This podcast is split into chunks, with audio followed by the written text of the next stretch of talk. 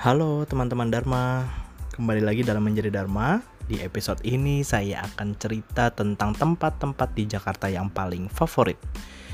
Berhubung lagi di Jakarta, saya mau cerita nih ada beberapa tempat di Jakarta yang sering banget saya datengin ketika libur ataupun ketika ada teman-teman dari Jakarta yang atau teman-teman dari luar Jakarta yang memang baru datang ke Jakarta dan uh, saya ajak ke tempat-tempat ini untuk melihat banyak atraksi seni, seni instalasi, ataupun benda benda-benda ataupun pameran yang kayaknya asik banget buat disaksikan gitu ya di Jakarta. Langsung aja ada beberapa tempat nih, ada tiga atau empat lah ya. Yang pertama itu ada Galeri Nasional. Ini tempat yang sebenarnya dulu hampir nggak pernah saya datangi ketika masa sekolah ataupun kuliah ya. Kuliah pernah itu pertama kalinya saya datang sih. Tapi itu pun karena pacar saya pernah ngajak ke sana.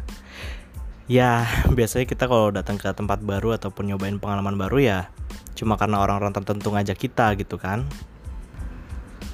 Karena misalnya gini um, Waktu itu pacar saya ngajak saya ke Galeri Nasional karena ada pameran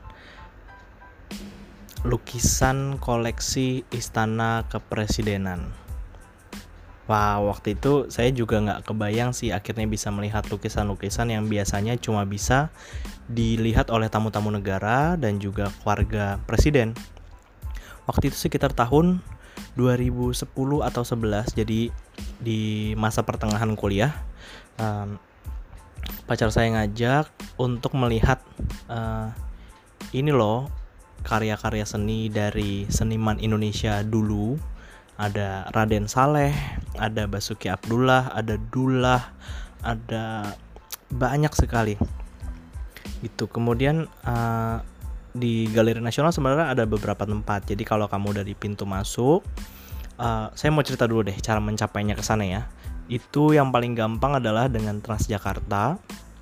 Kamu bisa ke halte Transjakarta Gambir ataupun kalau naik kereta dari luar kota pastikan turunnya juga di Gambir. Itu tinggal nyebrang di jembatan penyeberangan orang atau JPO ya yang di atas. Atau kamu bisa menggunakan bajai kalau kamu memang ada di sekitar Jakarta Pusat. Um, kamu bisa naik taksi pastinya naik uh, transportasi online ataupun naik kendaraan pribadi ada tempat parkirnya lumayan banyak. Sekitar 100 atau 200 kendaraan pasti bisa. Cuma kalau kamu tidak mau um, membawa kendaraan pribadi transportasi umumnya banyak gitu. Nah ketika masuk di area Galeri Nasional itu ada lapang bukan lapang ya ada halaman yang luas untuk kamu parkir untuk kamu uh, foto untuk kamu uh, apa namanya untuk kamu jelajahi. Di situ ada beberapa gedung. Ada gedung utama ada gedung A B C D E ada ruang pameran sekian-sekian, ada lantai satu, lantai dua juga. Itu banyak banget. Di depan itu ada toko souvenir, kemudian kamu di sebelah kiri bisa melihat ruangan ruang pamer A, B, C dan D, terus di belakang juga di belakang kalau nggak salah D dan E gitu. Dan di bagian tengah ini adalah ruang pameran utama. Segedung. Gedungnya nggak terlalu besar cuma memang ketika kita masuk ke dalamnya itu kan biasanya kalau pameran tuh disekat-sekat ya. Jadi ada banyak ruangan di dalam ruangan besar itu tapi tergantung pamerannya. Bisa jadi pamerannya membutuhkan ruangan yang besar ya itu akan dibikin tanpa sekat dengan ruang yang jadinya besar sekali dan di ruang pamer utama itu biasanya kita harus menitipkan tas menitipkan um, semua barang bawaan kecuali dompet dan ID card untuk tanda pengenal kita. Dan biasanya nanti akan dikembalikan lagi ketika kita sudah keluar. Tapi lucu ini kita harus masuk dari pintu depan kemudian uh, kita akan melihat barang-barang yang akan dipamerkan, misalnya lukisan ataupun seni instalasi itu dimulai dari ruang paling depan. Kemudian kita akan dibikinkan rute untuk um, melihat alur pamerannya. karena kan biasanya pameran itu kan berdasarkan kronologi waktu ataupun berdasar disekat berdasarkan uh, orang-orang senimannya dan baru nanti akan keluar lewat pintu belakang. Nah, setelah dari pintu belakang, kamu harus ke pintu depan lagi untuk mengambil barang-barang yang sudah kamu titipkan tadi di depan ya.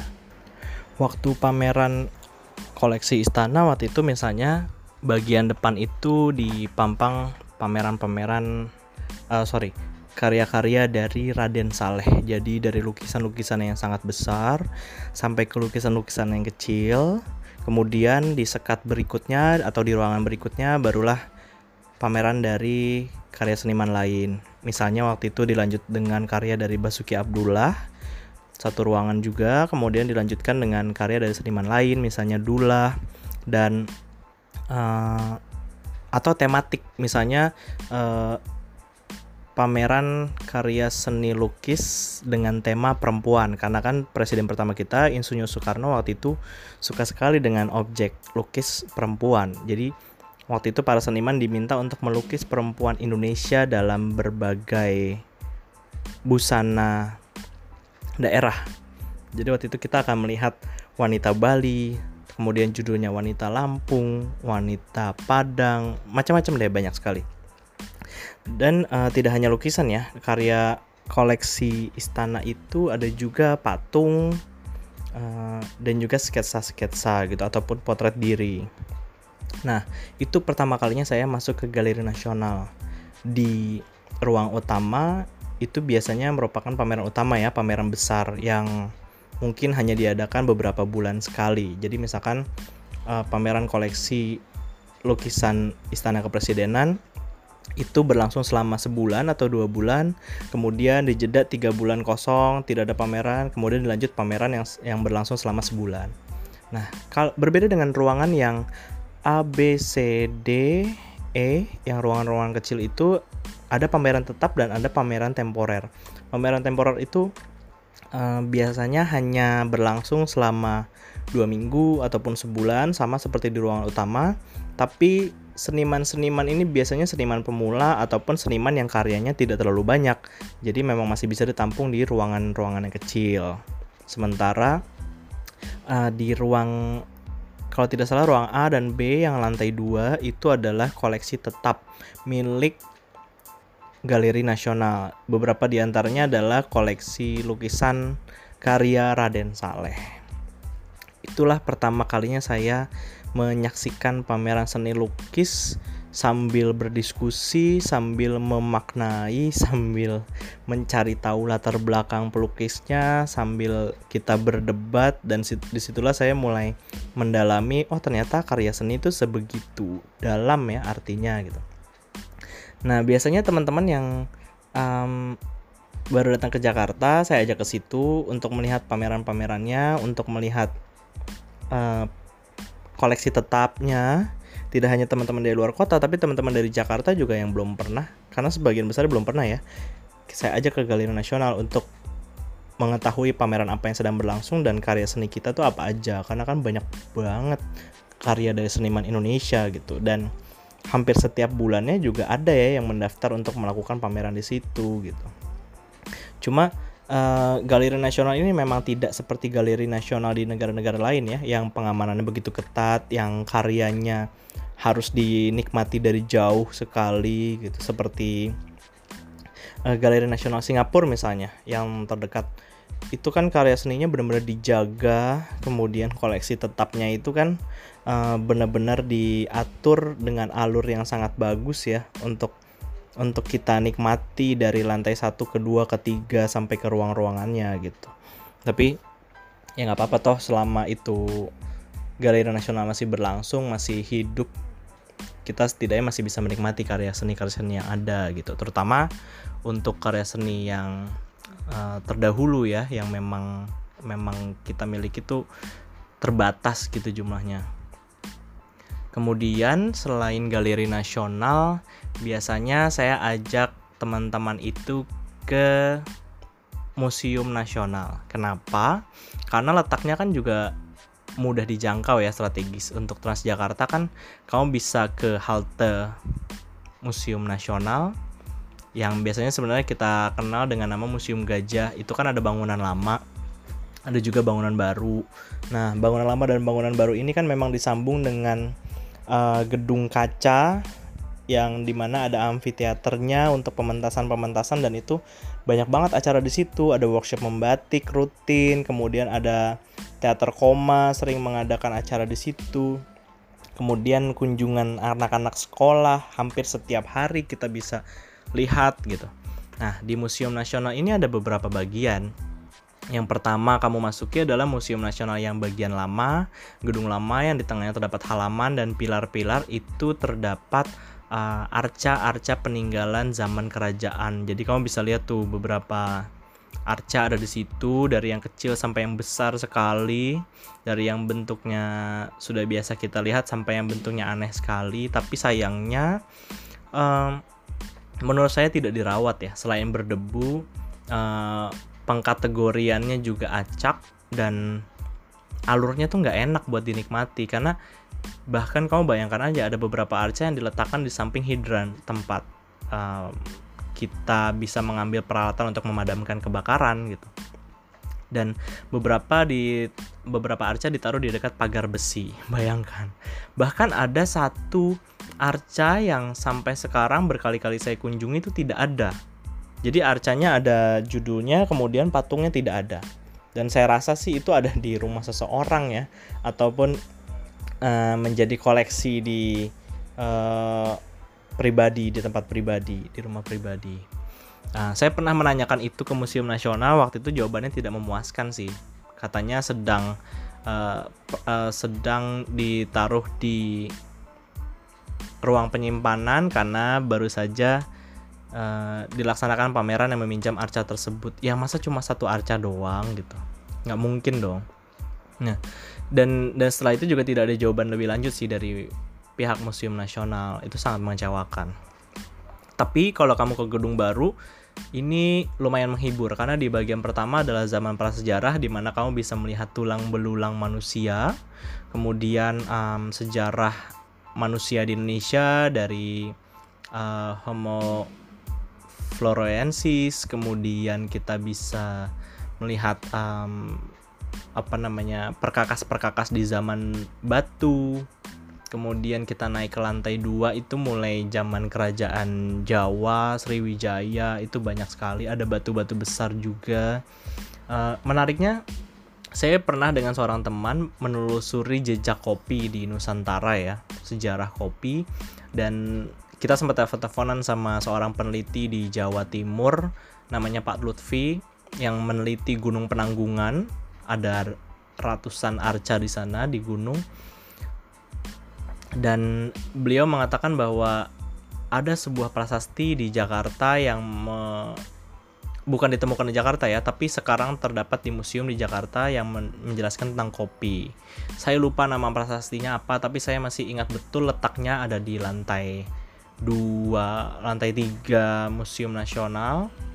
Kemudian uh, prasasti itu memang uh, berbicara soal kopi di Indonesia gitu ya. Uh, lebih lanjut ntar saya jelasin lagi deh karena saya lupa. Nah, biasanya uh, teman-teman saya ajak ke situ karena kan melihat barang-barang peninggalan sejarah kerajaan itu menarik sekali ya. Misalnya uh, perhiasan apa yang pernah dipakai oleh raja ini, ratu ini, itu ada loh dari zaman yang bahkan lebih lampau dibandingkan zaman kerajaannya di Eropa gitu. Tapi sayangnya kan uh, ruang pamer di kita tuh nggak sebagus di luar negeri ya penggarapannya gitu. Karena kita belum betul-betul menghargai benda purbakala dan juga peninggalan sejarah. Toh masih banyak benda-benda yang akhirnya tidak ada keterangannya di sini gitu sayang sekali. Dan di di lantai 2 dan 3 itu ada juga uh, kain kemudian uh, pakaian yang terbuat dari kayu, kemudian perahu kayu, ada juga batu-batu yang saya rasa penyusunannya nggak terlalu sistematis. Jadi kita menikmatinya tuh loncat-loncat gitu zaman kerajaan ini, zaman kerajaan ini kok tahunnya mundur lagi, tahunnya maju lagi gitu. Tapi setidaknya itu uh, lumayan rapih ya dibandingin museum-museum di luar kota yang menjelaskan tentang sejarah gitu. Kalau museum-museum yang digarap oleh swasta di luar kota itu sudah mulai bagus. Kayak misalkan di beberapa kota di Jawa ya, kayak misalnya di Malang ataupun di Bali itu sudah bagus gitu. Tapi kalau museum yang dinaungi oleh tingkat nasional itu kayaknya masih kurang gitu. Nah, terla, uh, selanjutnya selain galeri nasional dan museum nasional, biasanya saya mengajak teman-teman ke Galeri Salihara. Letaknya ada di Pasar Minggu. Itu kalau naik transportasi umum kamu bisa naik uh, Metro Mini 62 sampai Pasar Minggu, kemudian jalan kaki sedikit atau misalnya naik uh, Metro Mini 604 atau 640. Kemudian uh, angkutan Micro itu naik S05A sampai Pasar Minggu. Pokoknya melewati galeri Salihara. Ada di Jalan Salihara dekat kampus Universitas Nasional di daerah Pejaten. Itu dekat dari Balai Rakyat Pasar Minggu. Ada di jalan kecil, tapi parkirannya cukup luas, mungkin sekitar 20 mobil kali ya, 23 ya 30 mobil lah bisa. Itu tingkat 4 luar biasa ya besar sekali. Desainnya juga modern dengan dipenuhi pohon dan tanaman. Ini bagus banget. Di mix dengan kaca kemudian ada to toko souvenir ada kedai. Kita bisa minum minuman tradisional seperti jahe-jahe itu banyak karena di situ juga ada sue ora jamu. Kamu bisa minum jamu dan minuman tradisional Indonesia lainnya. Tapi ada juga uh, kedai yang menyediakan minuman-minuman yang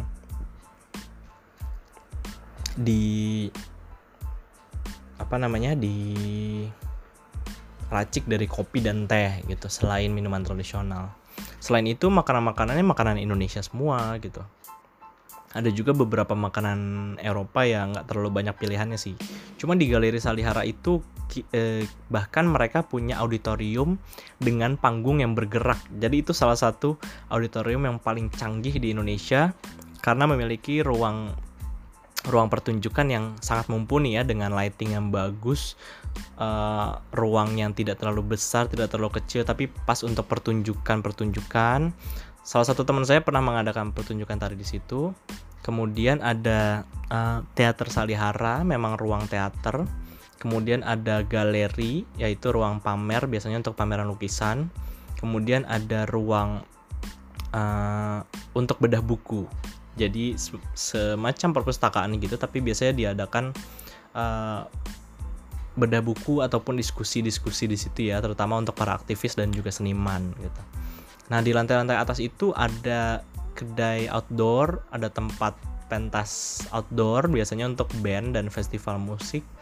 Dan itu luas kok walaupun nggak terlalu luas sih tapi luas untuk sekitar 300-400 orang tuh galeri Salihara sangat mumpuni ya bagus sekali gitu.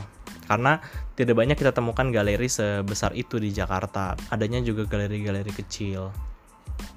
Selain itu uh, salah satu tempat uh, saya pacaran tuh di loh kok ini temanya pacaran ya? Tapi tempat-tempat yang emang favorit buat saya ya Selain Galeri Nasional, Museum Nasional, Galeri Salihara, ada juga Taman Ismail Marzuki. Pasti dong tempatnya orang-orang nyeni di sini.